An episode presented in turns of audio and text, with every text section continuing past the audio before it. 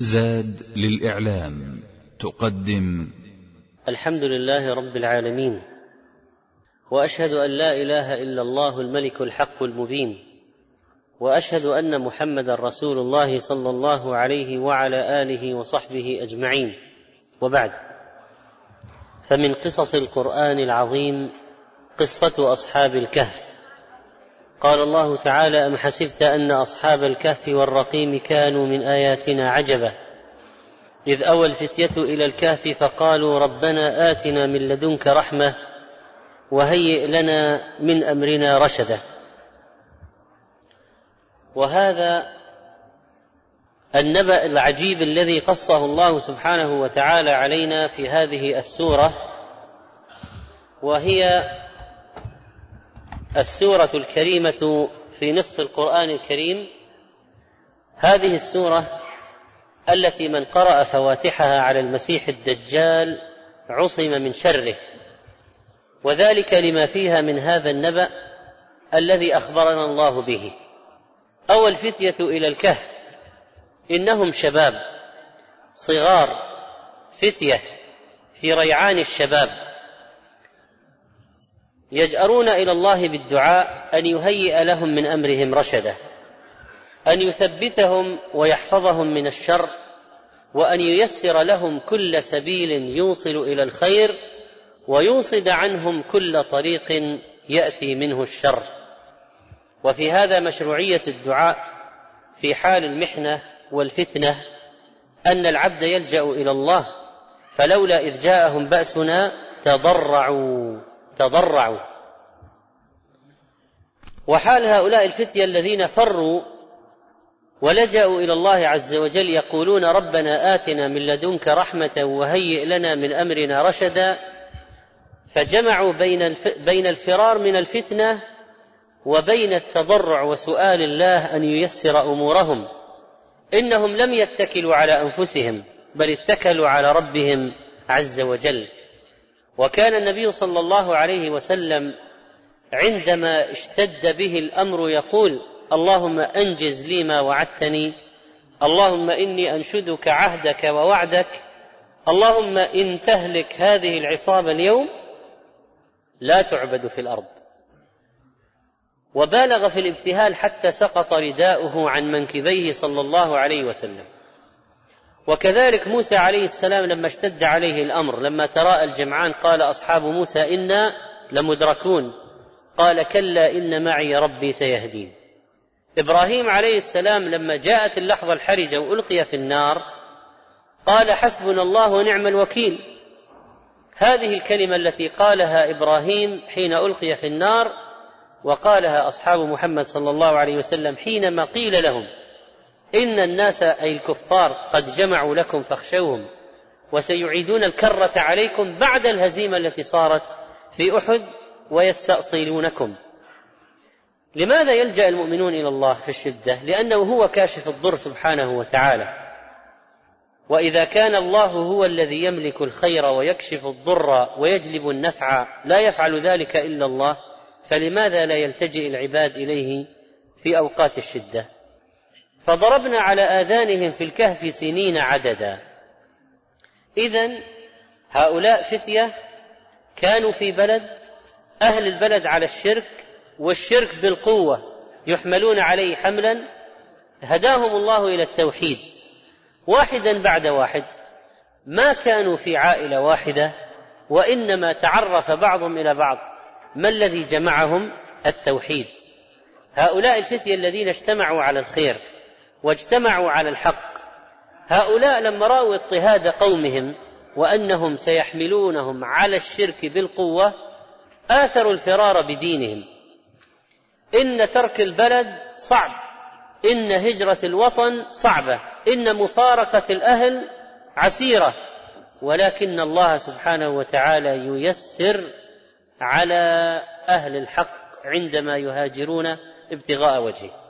والذي عمله هؤلاء الفتية في الحقيقة هو نوع من الهجرة لأنهم تركوا وطنهم لله فارقوا بلدهم لله تركوا أهلهم لله وخرجوا. اجتمعوا في ذلك المكان هؤلاء. الله سبحانه وتعالى جعل قصتهم عبرة وجعلها ممتدة موجودة في الأجيال حتى سأل اليهود رسول الله صلى الله عليه وسلم عن فتية كانوا في الزمن الغابر ما نبأهم ما خبرهم وهؤلاء ما الذي جمعهم؟ الحق التوحيد الدين. هؤلاء القوم أرواح مجندة تعارفت فتآلفت. نحن نقص عليك نبأهم بالحق إنهم فتية. وصفهم بالفتوة قال أهل العربية رأس الفتوه الإيمان. هذا ما معنى رأس الفتوه الإيمان؟ أيها الإخوة إن كلمة فتية من جموع القلة في اللغة العربية وجموع القلة يعني أقل من عشرة. قال عز وجل إنه فتية وفتية من صيغ جموع القلة إنهم دون العشرة وسيأتي في التحقيق أنهم سبعة. وربطنا على قلوبهم إذ قاموا فقالوا ربنا رب السماوات والأرض لن ندعو من دونه إلها لقد قلنا إذا شططا فالله ثبتهم والله صبرهم والله هداهم ودلهم على الحق والحقيقة. فقالوا ربنا رب السماوات والأرض. فهو الذي خلقنا ورزقنا ودبرنا وربانا ليست الأوثان ولا الأصنام. لقد قلنا اذا شططا لو قلنا بمثل ما يقول قومنا لبعدنا عن الصواب. صارت القضية شطط. إن أصحاب الفطرة السليمة يستدلون بتوحيد الربوبية على توحيد الألوهية. ما دام الرب هو الخالق الرازق اذا هو الذي يستحق العبادة وحده لا شريك له. هؤلاء قوم اتخذوا من دونه آلهة يشكون إلى الله أمر قومهم المشركين. اتخذوا آلهة من دون الله بدون دليل لولا يأتون عليهم بسلطان بين. أين الدليل على أن هذه الأصنام آلهة؟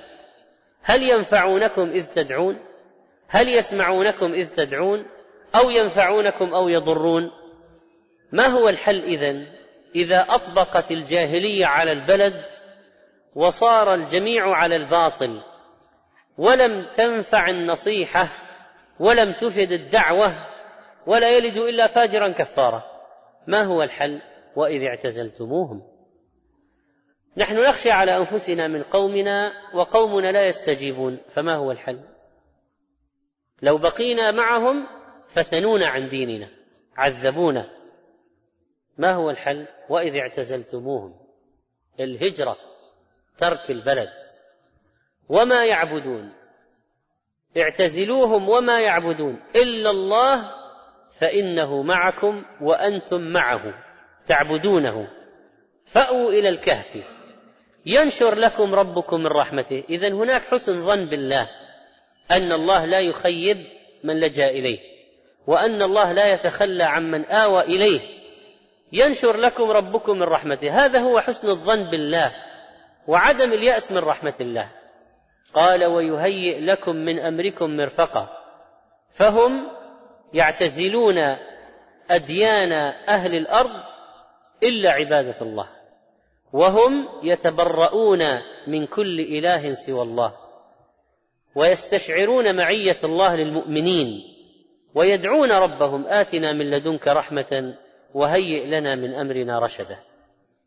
لما دخلوا إلى الكهف ليختبئوا فيه ويأووا إليه والإنسان يحتاج إلى مأوى ذهبوا إلى البرية فما الذي يحميهم من وحوش كاسرة أو أعداء أو يختبئون من قومهم؟ الحل هذا الكهف. ولكن الله سبحانه وتعالى شاء أن يلقي عليهم النوم في الكهف. والله يلقي النوم على عباده للطمأنينة كما ألقى النوم على الصحابة في بدر حتى أن ذقن أحدهم تضرب في صدره من النوم الذي نزل وغشيهم. وأصحاب الكهف ألقى الله عليهم النوم أيضا. النوم راحه للأجساد وطمأنينة للقلوب. ولذلك ألقى الله النوم على أصحاب الكهف ولكن لا بد من حفظ بأسباب وترى الشمس إذا طلعت تزاور عن كهفهم فهي تميل يمينا عنهم عن عن الكهف وعند غروبها تميل شمالا لئلا ينالهم الحر مباشرة فتفسد الأبدان. وأين كانوا في فجوة منه في متسع من الكهف ليطرقهم الهواء والنسيم ويزول عنهم التأذي بالمكان الضيق مع طول المكث؟ والله عز وجل يحفظهم بحفظه فيسر لهم هذا الكهف وجعل الشمس تميل عنهم يمينا وشمالا لئلا ينالهم حرها مباشرة. وترى الشمس إذا طلعت تزاور عن كهفهم ذات اليمين وإذا غربت تقرضهم ذات الشمال وهم في فجوة منه. ذلك من آيات الله. وهذا الحفظ صار بالنسبة لهم نوما وأعينهم مفتوحة. لم تنطبق لئلا يسرع إليها البلا لأن إذا بقيت ظاهره للهواء كان أبقى لها. ولذلك قال الله وتحسبهم ايقاظا وهم رقود فالأعين مفتوحة. ونقلبهم ذات اليمين وذات الشمال. فلو لم يقلبهم لأكلتهم الأرض ولتعفنت أجسادهم. وهذا من حفظ الله لأبدان أوليائه الصالحين. الله يحفظ أولياءه. كما قال النبي صلى الله عليه وسلم يا غلام احفظ الله يحفظك. فهؤلاء لما حفظوا الله حفظهم الله. فحفظ أبدانهم وجعل لهم هذا الحارس على باب الكهف وكلبهم باسط ذراعيه بالوصيد. فهو جالس خارج الباب. والملائكة لا تدخل بيتا فيه كلب ولا صورة. ولذلك لم يكن في الداخل وإنما كان في الخارج. فأين هذا من الذين يقلدون الكفار اليوم بإدخال الكلاب إلى بيوتهم بدون حاجة؟ وإنما تقليد للغرب. وربما وقفت العروس بيدها باقة الزهور وبيدها الأخرى حبل الكلب. لو اطلعت عليهم لوليت منهم فرارا ولملئت منهم رعبا. ليس هذا بسبب أن شعورهم طالت جدا. أو أظفارهم طالت جدا كما يظن البعض ولكن لأن الله ألقى عليهم خوفا أو ألقى عليهم هيبة فلا يراهم أحد إلا خاف منهم. خاف منهم. لو اطلعت عليهم لوليت منهم فرارا ولملئت ليس لارتعبت لملئت منهم رعبا إذا هذه المهابة والخوف الذي يلقيه الله في نفس من اطلع عليهم لئلا يمسهم بسوء. لو واحد جاء وألقى عليهم نظرة لفر فرارا ولملئ رعبا مما جعل الله لهم من الهيبة. ويحسبهم الناظر أيقاظ حفظهم الله سبحانه وتعالى بالرعب الذي نشره في قلب من يطلع عليهم. وشاء بعد ثلاثمائة وتسع سنين أن يبعثهم من رقدتهم الطويلة. وكذلك بعثناهم ليتساءلوا بينهم. قال قائل منهم كم لبثتم؟ قالوا لبثنا يوما أو بعض يوم. وهذا ما يدل على أن الله حفظ أشكالهم.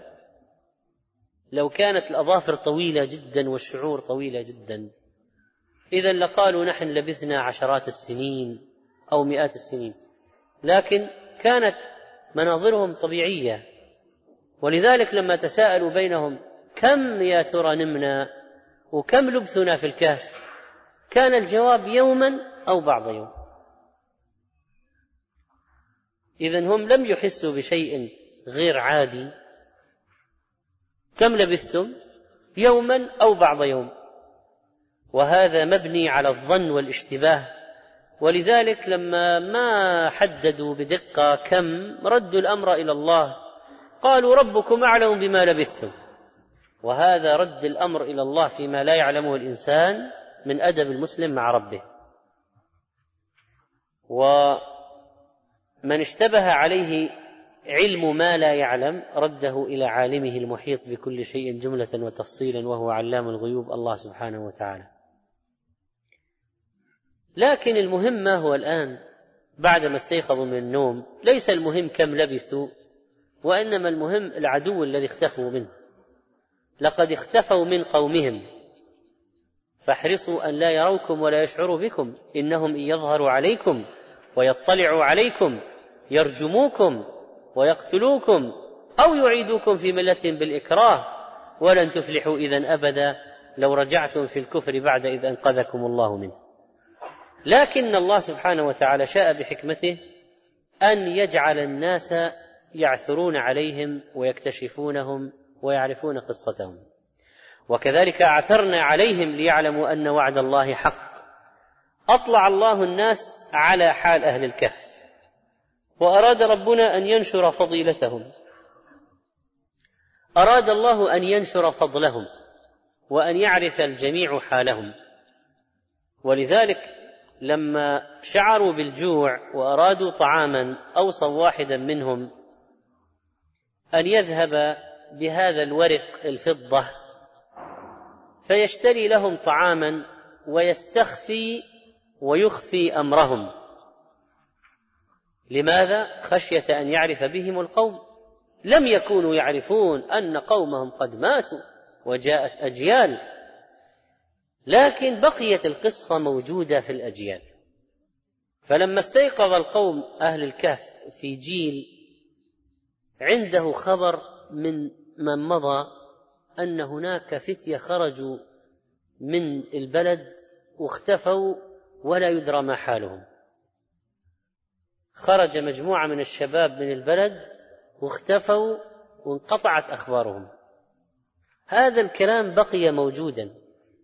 في الأجيال الجيل الذي بقي كان في وقتهم بعدما استيقظوا. فلما ذهبوا قيل إن الورق أو الدنانير والدراهم كانت تضرب مسكوكه حسب الحاكم وتاريخ ذلك الوقت. فلما ذهبوا ليشتروا بالمال الذي معهم يفاجأ البائع أن هذه دراهم قديمة مضروبة هذه أثرية هذه نقود أثرية هذه عملات نادرة. فكان هذا الذي لفت النظر واشتهر الأمر وانتشر الخبر هذا من المفقودين هذا من الشباب الأولين وتسامع الناس وجاءوا واجتمعوا وعرفوا الخبر فعظموهم وأكرموهم ولما ماتوا قال الذين غلبوا على أمرهم أي أولياء الأمر في ذلك البلد لنتخذن عليهم مسجدا. وليس هؤلاء الحكام في ذلك الوقت من أهل الدين حتى يقال كيف بنوا مشهد على القبر؟ ليسوا حجة. قال الذين غلبوا على أمرهم يعني أهل السلطة غلبوا. قرار لنتخذن عليهم مسجدا سنبني مسجدا على قبورهم. وغير هذا شرع من قبلنا ليس شرعا لنا إذا تعارض مع شرعنا. وبما أن شرعنا قد جاء بعدم جواز البناء على القبور فحتى لو كان موجودا في شرع من قبلنا جواز البناء على القبور حتى لو كان على فرض فإن شرعنا قد جاء بخلافه لعن الله اليهود والنصارى اتخذوا قبور أنبيائهم مساجد.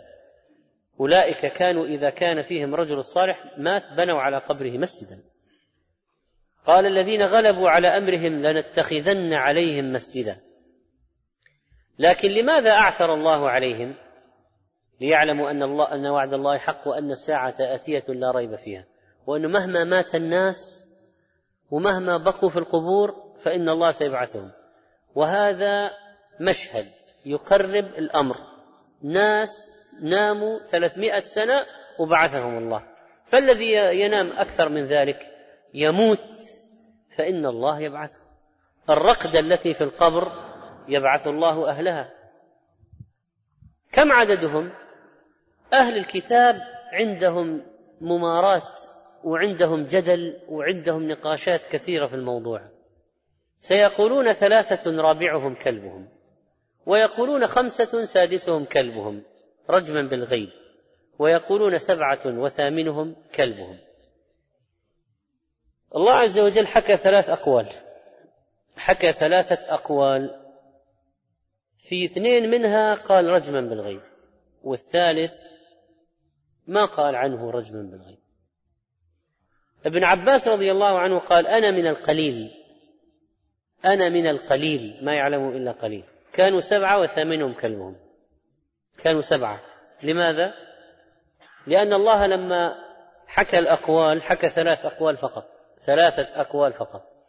القول الأول ثلاثة رابعهم كلبهم.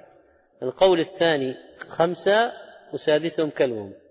القول الثالث سبعة وثامنهم كلبهم. في قولين منها أتبعه بأنه رجم بالغيب. كلام بغير دليل. رجم بالغيب. سيقولون ثلاثة رابعهم كلبهم ويقولون خمسة سادسهم كلبهم رجما بالغيب. ويقولون سبعة وثامنهم كلبهم. فما في إلا ثلاث أقوال اثنين منها رجم بالغيب فمعناها الثالث هو الصحيح. وعلى أي حال لو قال واحد طيب الآن نحن عرفنا نحن ثلاثمائة واحد عرفنا نقول ولو ولو عرفنا سيبقى الذين يعلمونهم بالنسبة للذين لا يعلمونهم قليل. ما يعلمهم إلا قليل. فلا تمار فيهم إلا مراء ظاهرا يعني خفيفا ولا تستفت فيهم منهم أحدا. إذا أهل الكتاب هؤلاء أهل الكتاب لا يؤخذ عنهم العلم ولا يجوز استفتاؤهم ولا اللجوء إليهم ولا الذهاب إليهم لطلب العلم. المقصود علم الدين وعلم أنباء من قد سبق ولا تستفتي فيهم في أهل الكهف. منهم من أهل الكتاب أحدا. وقد كانت هذه القصة العجيبة بدلالاتها وفوائدها وعبرها آية للمؤمنين يعرفون بها كيف ينال أهل الخير البركة بصحبة الأخيار. من صاحب الأخيار ذكر معهم. وهؤلاء صار لهم شأن بل إن كلبهم قد ذكر في القرآن لأنه صاحب الأخيار.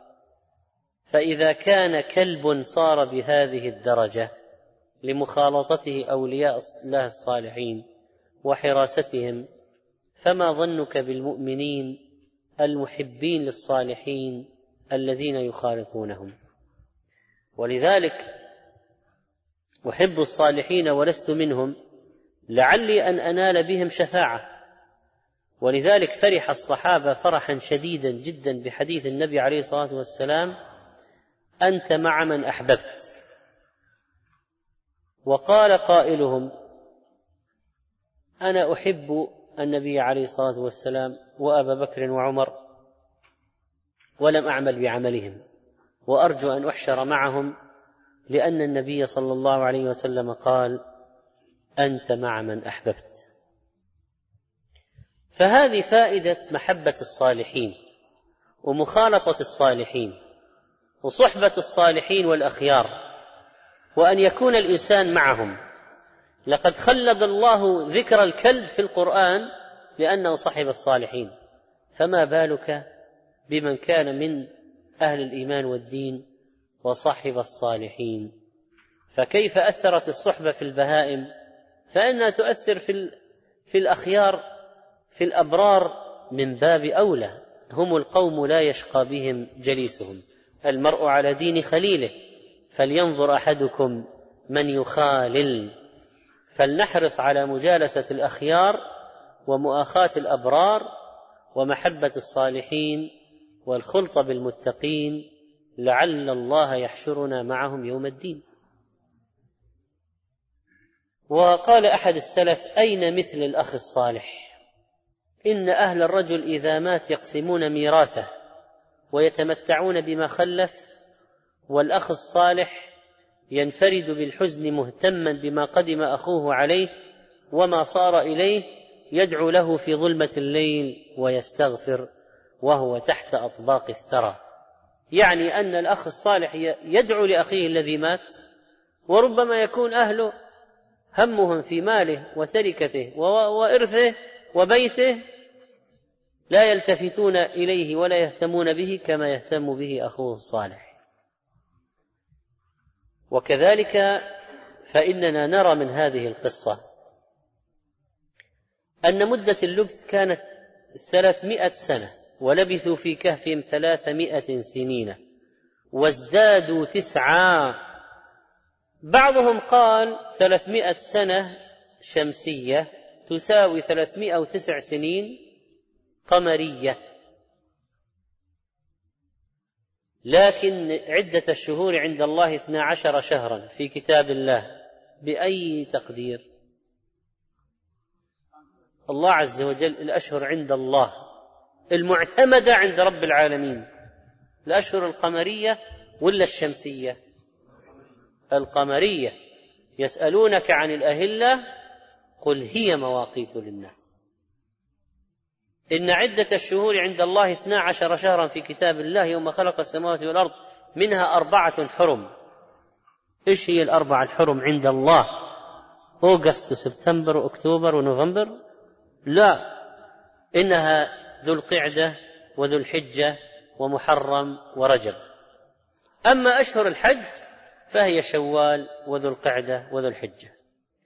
إنما الأشهر الحرم ذو القعدة وذو الحجة ومحرم متوالية ورجب الفرد المسمى برجب مضر لأنهم كثيرا ما كانوا يعظمونه في الجاهلية. إذا لبثوا في كهفهم ثلاثمائة وتسع سنين قمرية. هذا هو الأصل. هذا هو الأصل. ثلاثمائة وازدادوا تسعة. قال بعضهم ثلاثمائة في الكهف وتسعة بعد ما خرجوا من الكهف. قل الله أعلم بما لبثوا. ثلاثمية ثلاثمية وتسعة. بالنسبة لنا كعبرة لا يهمنا ثلاثمية وثلاثمية وتسعة. المهم ما انطوت عليه القصة من الفوائد العظيمة والجليلة. القيمة الكبيرة في هذه الدروس العظيمة التي انطوت عليها القصة كيف أن الشباب أهل الإيمان أسرع إقبالا على الحق من الشيوخ. كيف أن الله سبحانه وتعالى إذا هدى الشباب تمسكوا أكثر من غيرهم. وكان أصحاب محمد صلى الله عليه وسلم أكثرهم شبابا. أسرع في الاستجابة للدعوة. لأن الشيوخ قد عتوا في الباطل واستمروا عليه فترة طويلة فلذلك كان تأثرهم قليلا وأكثر من تابع النبي عليه الصلاة والسلام من الشباب. نرى من القصة كيف أن الإيمان يزيد وينقص. إنهم فتية آمنوا بربهم وزدناهم هدى. نرى من القصة كيف يتعارف المؤمنون ويجتمعون. وعندما تكون العقيدة واحدة يكون الطريق واحدا. عندما يكون التوحيد يوحد الصفوف فإن هؤلاء يجتمعون بغض النظر عن قبائلهم وأنسابهم وبلدانهم وجنسياتهم. قال تعالى إن أكرمكم عند الله أتقاكم. إن الجنود المجندة التي تتآلف وتتعارف ما كانت على العقيدة الواحدة والدين الواحد. فأهل الخير يتعارفون ولو كانوا ويتآلفون ولو كانوا من بلدان شتى. فإذا رأيته في الحج مجرد ما تعرف أن هذا إنسان مسلم على الدين والتوحيد والعقيدة الصحيحة كأنك تعرفه من زمان. وهكذا تآلف أصحاب الكهف. ثم الصدع بالحق أمام أهل الباطل. هؤلاء قوم اتخذوا من دونه آلهة. وقرروا الخروج من الفتنة واعتزال الكفر وأهل الكفر. اذا عزلة المسلم وفراره بدينه من الفتن هذه سنة متبعة من زمان. أن الإنسان يفر المسلم إذا عجز عن مواجهة هؤلاء يفر بدينه منهم. والنبي عليه الصلاة والسلام لما يئس من كفار قريش خرج منهم ومعه أبو بكر الصديق وكذلك المهاجرون تركوا ديارهم وأوطانهم وأموالهم ودورهم تركوا أقاربهم وقبيلتهم وآووا إلى المدينة كما آوى هؤلاء إلى الكهف. إن العزلة في مكان بعيد عن الناس عندما تملأ الأرض كفرا هي مرحلة زمنية معينة أخبر عنها النبي عليه الصلاة والسلام. وقال يوشك أن يكون خير مال أحدكم غنما يتبع بها شعف الجبال ومواقع القطر المطر يفر بدينه من الفتن. إذن يأتي على الناس وقت الفرار بالدين من البلد متعين لأن الكفر يطبق حتى يأذن الله بالفرج. والقصة تدل على اتخاذ الأسباب المشروعة وتدل على البركة في رفقة أهل الخير وتدل هذه القصة على الحث على العلم والمباحثه فيه مع أهله. أما إذا كانوا جهلا أو يدعون العلم وليس عندهم علم لا تستفت فيهم منهم أحدا. فلا يجوز استفتاء الجاهل ولا من ليس عنده علم. ويجب على المسلم الكف عن الخوض فيما لا يحيط به وما اوتيتم من العلم إلا قليلا. والقصة فيها فائدة فقهية في جواز الوكالة في البيع والشراء. لو قال واحد ما حكم الوكالة في البيع؟ ما حكم الوكالة في الشراء؟ دلت القصة على مشروعية الوكالة وجواز الوكالة. من أين نأخذها؟ فابعثوا أحدكم بورقكم الورق الفضة غير الورق. الورق الفضة بورقكم هذه إلى المدينة. فلينظر أيها أزكى طعاما. إذا يأتي به ويتلطف يتلطف. ولا يشعرن بكم أحدا. يعني لو اشترى رز مثلا يكفي عدد كثير ولا يلفت النظر. الآن أنت لو اشتريت مثلا كيلو رز كم يكفي؟ كذا شخص. لكن لو اشتريت كيلو رز هل واحد يقول أنت عندك كذا شخص؟ لا ليس بالضرورة إذا في أطعمة تكشف عدد الآكلين وفي أطعمة إذا اشتريتها ما تكشف عدد الآكلين. ولذلك هؤلاء قالوا وليتلطف ولا يشعرن بكم أحدا. فليشتري طعاما لا يكشف عدد الأشخاص حتى لا يعثر عليهم فالقوم يأخذونهم ويفتنونهم ويعذبونهم. وكذلك فإن الوكالة إنما كانت مع التقية خوف أن يشعر بهم أحد. بل استدل العلماء بهذه الآية على جواز الشركة لأن الورق كان للجميع فكأنهم قد وضعوا أموالهم في محفظة واحدة. فابعثوا أحدكم بورقكم فصار هذا مجموع المال. فدلت الآية على جواز الشركة. فلو قال واحد ما حكم الشركة؟ فيقال جائزة. وهذه هذا الدليل من الأدلة. طيب لو واحد قال ما حكم اجتماع الأشخاص باشتراكات نقدية ليشترى منها طعام للجميع؟ قالوا نحن مجموعة طلاب أو مجموعة عمال بعضهم يسميها عزبة بعضهم يسميها قطية. طيب الآن كل واحد يدفع مثلا شهريا مئة ريال. واشترى من الصندوق هذا؟ كل يوم وجبة غداء للمجموعة. فيهم من يأكل كثير وفيهم من يأكل قليل. فهل يجوز ولا فيها ظلم هذه؟ هل فيها ظلم؟ هل فيها غرر وجهالة مثلا؟ لأن بعضهم يأكل أكثر من بعض. فيكون واحد اعتدى على الحق الآخرين. الجواب لا. من الأدلة هذه الآية. فابعثوا أحدكم بورقكم. يشتري طعاما للجميع. اذا اشتركوا. هذه عند العلماء تسمى المناهدة. المناهدة أن يجمع الجميع مثلا رفقاء في رحلة. نريد أن نذهب في رحلة عمرة. عشر أشخاص. عشرة. ادفعوا اشتراكات كل واحد يدفع مئتين ريال. منها بنزين منها وجبات منها استئجار مكان.